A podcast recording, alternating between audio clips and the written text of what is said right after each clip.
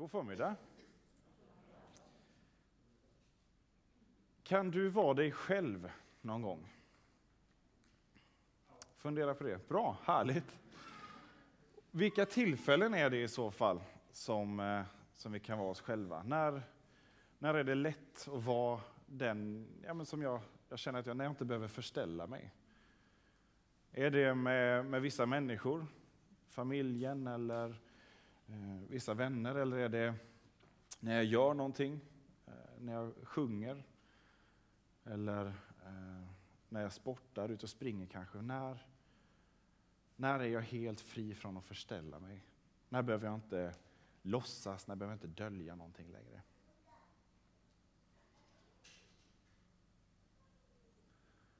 Och så kan ni få fundera på om det är så att ni någon gång har fått se någon annan i den situationen.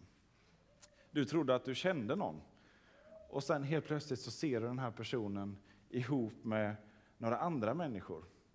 Du kanske eh, har en kollega, jobbat ihop många år och sen så eh, får du träffa kollegan ihop med sina bästa vänner och så, jaha, är det sån du är? Och så kan ju det vara på, på ena eller andra hållet såklart. Eh, jag tror att det var eh, lite så här för lärjungarna den här dagen då vi får möta dem och Jesus. Eh, när de får följa med Jesus upp på, på förklaringsberget. Det hette inte förklaringsberget då, men det fick heta det sen. Och vi ska läsa från Markus evangeliet kapitel 9 Jesus sa, sannerligen några av de som står här ska inte möta döden förrän de har sett Guds rike komma med makt. Sex dagar senare tog Jesus med sig Petrus, Jakob och Johannes och gick med dem upp på ett högt berg där de var ensamma. Där förvandlades han inför dem. Hans kläder blev skinande vita, så vita som ingen blekning i världen kan göra några kläder. Och de såg Mose och Elia som stod och talade med Jesus. Då sa Petrus till Jesus, Rabbi, det är bra att vi är med. Låt oss göra tre hyddor, en för dig, en för Mose och en för Elia. Han visste inte vad han skulle säga, de var alldeles skräckslagna. Då kom ett moln och sänkte sig över dem och en röst hördes ur molnet. Detta är min älskade son, lyssna till honom. Och plötsligt när de såg sig om kunde de inte se någon annan där än Jesus. När de gick ner från berget förbjöd han dem att berätta för någon vad de hade sett innan Människosonen hade uppstått från de döda. De fäste sig vid de orden och undrade sinsemellan vad som menades med att uppstå från de döda. Och de frågade honom, varför säger de skriftlärda att Elia först måste komma? Han svarade, visst kommer Elia först och återställer allt. Men varför står det då skrivet att Människosonen ska lida mycket och bli föraktad? Jag säger er, Elia har redan kommit, men med honom gjorde de som de ville, som det står skrivet om honom.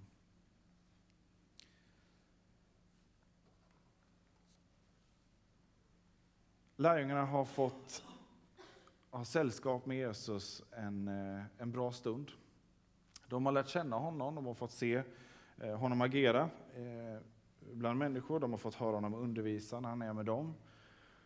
Och nu så får tre av dem chansen att följa med Jesus och få se hur han är när han är sig själv.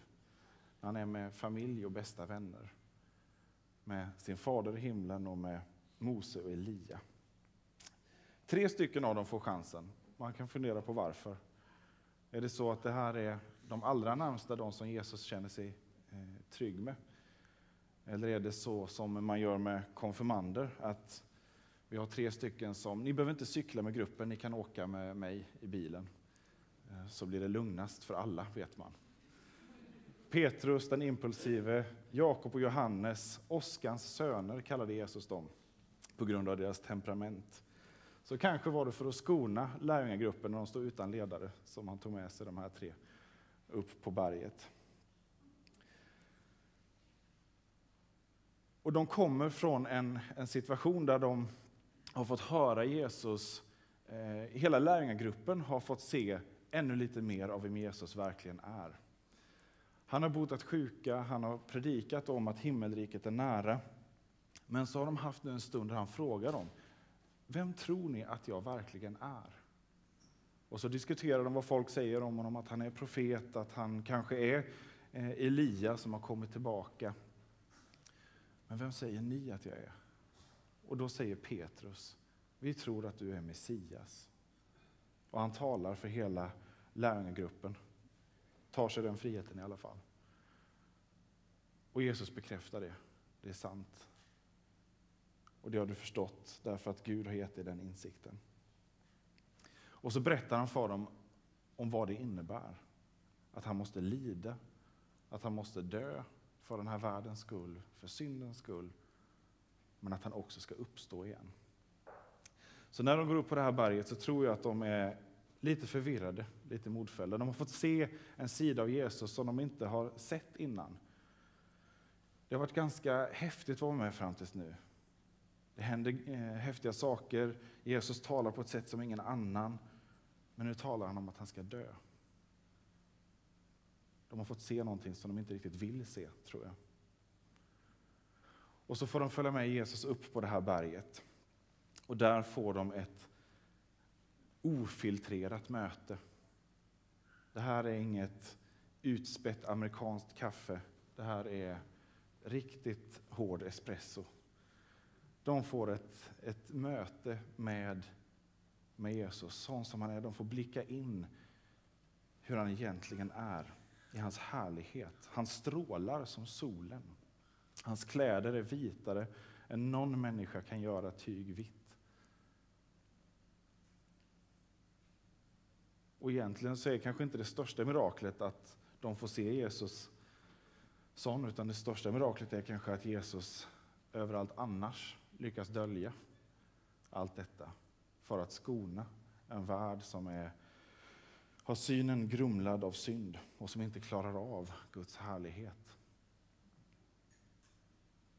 Men här så lättar Jesus på, eh, på det och så får de se vem han egentligen är. Och Petrus han inser direkt, det här är bra. Det här är väldigt bra. Om, om det nyss var lite dålig stämning för att vi pratade om att, eh, att vår mästare ska, ska lida och dö, och så var det någonting med uppstå, och så får han se det här. Oj, det är ju så här det ska vara. Det är gott för oss att vara här. Vi går inte ner igen. Nu bygger, nu bygger vi hyddor åt er tre. Det är som att Petrus glömmer, han glömmer världen utanför, han glömmer allt som finns nedanför det här berget. Han glömmer sig själv. Han pratar bara om tre hyddor. Eh, och åt Jesus, Mose och Elia. Han och Jakob och Johannes så får väl sova på backen, antar jag.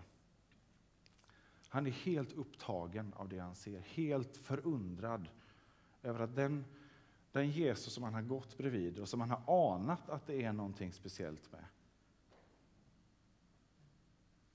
Nu lyfter Jesus på den duken och visar vad det här handlar om. Och I ren förskräckelse så kastar han ur sig. Det, vi stannar här, jag bygger hyddor.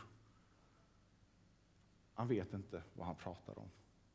Men han bara måste göra någonting och måste försäkra sig om att, om att det här får, eh, får fortsätta.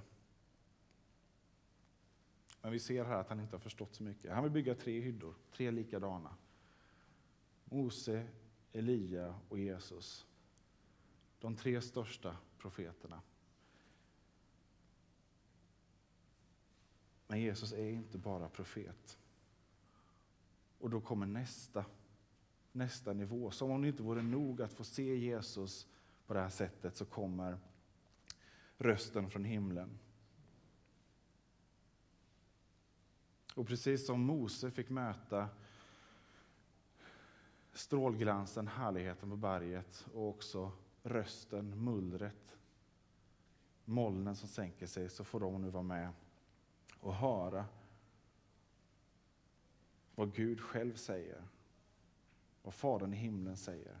Det här är min älskade son. Lyssna till honom. Och helt plötsligt så är det inte tre giganter som står där framför dem. Det är bara en. För när de ser sig omkring så ser de bara Jesus. Storheten i att få se Mose och Elia, de här historiska giganterna, bleknar nu fullständigt när de förstår att Jesus är någonting så mycket mer än bara en stor lärare, en stor profet. Han är Guds älskade son. Och då finns det inget utrymme längre för förskräckelse eller förvirring. Om Petrus fram till nu har agerat impulsivt och, eh, och försökt lösa situationen som uppstår där på berget, så får han nu klara besked från himlen. Se på min älskade son, lyssna till honom. Stanna upp. Strunta i bygghyddor. Lyssna till honom. Så att de får känna vem han är, så att de får veta vem han är. Petrus har fått en, och de andra lärjungarna har fått en, en smak. En smak av Guds härlighet. Kanske har du fått den en gång också. I en gudstjänst, eller en bönestund eller en helt oväntad eh, tillfälle. Kanske längtar du efter det. Men den här försmaken, när vi drabbas av, av det så är det så lätt att, att rusa, att börja bygga hyddor, dra slutsatser. Det är så här det ska vara. Men vad följer efter? Ett helt liv som handlar om just detta. Se här på min älskade son. Lyssna till honom. Och så tar Jesus dem och så går de tillbaka ner från berget. Vi vet inte om det var 40 dagar, 40 nätter eller om allt var över på två minuter. Det spelar ingen roll. Därför att de har fått se någonting för att klara av det som sen skulle ske nedanför berget. Och så tror jag att det får vara en inbjudan till oss att få söka de här stunderna, få söka mötet med Guds härlighet. Och det är där vi ska vara. Det är gott för oss att vara där. Och vi är lovade en plats i Guds härlighet när en ny himmel och en ny jord kommer. Men Jesus har också lovat oss en plats bredvid honom här och nu. Om han lider, om han dör för den här världens skull så är det en inbjudan från honom att när vi går med honom göra det också. Och man kan tänka, om man skulle fråga Petrus, vad är, vad är den största, vad är det största du varit med om nu tillsammans med Jesus? Om man skulle fråga Petrus det då på 60-talet, när många år har gått. Tänker vi utifrån den här världens synsätt så är det kanske den här dagen som skulle vara det naturliga. När det var som mest blixt och dunder, när de fick träffa kändisarna Mose och Elia. Ändå så är det inte den här stunden som sätter djupast avtryck hos Petrus och de andra lärjungarna. Det var inte här de fick kraften eller visheten, förmågan att leda en hel kyrka, att få föra evangeliet ut, att få bota sjuka, att få leda människor till befrielsen i tron på Jesus. Det var inte i den här stunden. Ännu större var det att de fick ta in Jesu korsdöd. Ännu större var det att de fick ta emot hans förlåtelse, att Petrus fick ta emot Jesu förlåtelse och upprättelse efter att ha förnekat honom precis innan den här stunden. Ännu större var, de för, ännu större var det för dem att bli fyllda av den heliga Ande. Och det här säger någonting om... Det är lätt för oss av att, att söka de här stora stunderna. Jag tror att Gud vill ge oss dem. Ge oss de här kraftfulla mötena. Men vi kan vara med om ganska många sådana tillfällen. Vi kan studera någonting, vi kan göra erfarenheter och, och betrakta saker utan att det riktigt tar plats i oss. Då leder det inte till någon större förändring och då, då för det oss inte heller till den plats där vi kan vara oss själva om vi inte låter Gud få tag på insidan. Ett kristet liv handlar inte om, om de enskilda tillfällena. Enskilda tillfällen kan få vara nyckelpunkter, dörrar att kliva in genom eller att kliva ut genom. Men det handlar om att få vandra tillsammans med Jesus dag för dag. Att varje dag lyssna till honom. Lyssna till Jesu egna ord. För de här stunderna som vi är med om och som jag verkligen vill uppmana er att, att söka de här stunderna. Sök mötena med Guds härlighet. Så missförstå mig inte där, sök dem.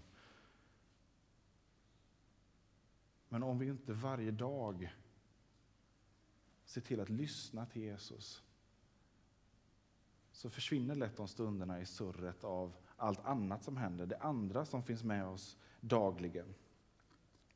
Bara en sån sak som man kikar på skärmtiden på statistiken på den här. Hur mycket den har ökat under semestern när man haft tid till exempel. Så mycket annat som som finns där och som automatiskt blir sånt vi lyssnar till. Och därför måste rösten från himlen komma och säga, där är min son, lyssna till honom. Det är inte ofta det kommer en röst från himlen, men vid det här tillfället kommer det. Och vad säger den? Lyssna till Jesus. Lyssna till honom. Vi behöver göra det om och om igen. Vi behöver låta honom få tala om för oss vem han är. Vi behöver låta honom tala om för oss vilka vi är. Vilka vi egentligen är tänkta att vara. Vi behöver låta honom få tala och avslöja synden och avslöja lögnerna som finns i vårt liv och runt omkring oss i den här världen. När den här världen säger att du lever bara en gång så satsa allt och slå dig fram. Eller när den här världen säger att om inte du kämpar för dig själv så kommer ingen annan göra det. Så du måste slå dig fram. När Den här världen säger att livet bara är en nyckfull slump. Att döden är slutstationen. Då behöver vi lyssna till Jesus. Som säger, jag är uppståndelsen och livet. Den som tror på mig ska leva även om han dör.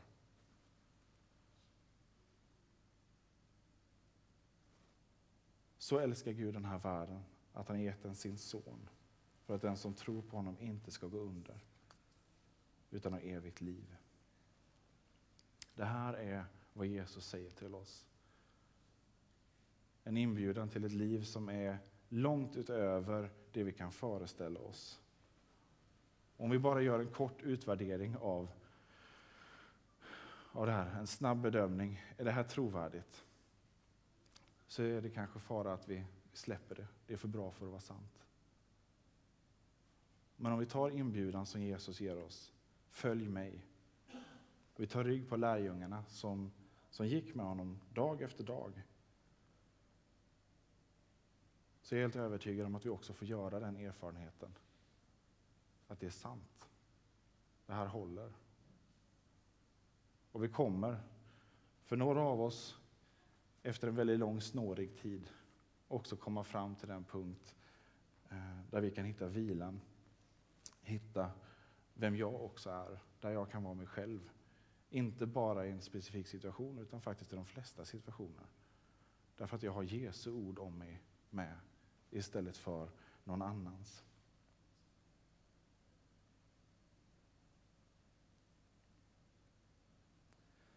Och frågan är, längtar vi efter ett sådant möte? Längtar du efter ett sånt här möte med Jesus som, som klär av allt? Där han, där han blir mycket tydligare än, än vad du har kunnat föreställa dig. Många gånger har jag tänkt, och många, många människor hört säga, om, om bara Gud hade visat sig tydligare, då, då skulle jag kunna tro, eller då skulle jag kunna göra det här. Men längtar du efter ett sådant möte, på riktigt? Är du beredd på vad det kan leda till? Eller är det så att du drar dig för ett sådant möte? Orolig att du inte är, är värdig, att du inte ska hålla? Eller är du rädd att förlora det som du har kärt, det som du åtminstone känner till? Rädd att glömma världen utanför. Jag vet att jag om vartannat längtar och flyr till de här mötena. Men jag vet att jag behöver det. Jag vet att vi som människor behöver det, vi som församling behöver det. Så låt oss be om de här mötena. Låt oss be om mötena med, med Guds härlighet som får allt annat att blekna och som påminner oss om den här inbjudan som finns med från allra första början. Följ mig och få ha den här vandringen dag för dag som bygger ett, ett orubbligt liv. Men vi får lyssna till Jesus. När det är hans ord som får definiera oss, vår tillvaro, vårt uppdrag och vilka vi är. Så låt oss be om det. Låt oss gå till, till förbön och be om Guds nåd att vi får se åtminstone bara tillräckligt för att vi ska få, få lämna över eh, ledarstaven till honom. Var med mig och be.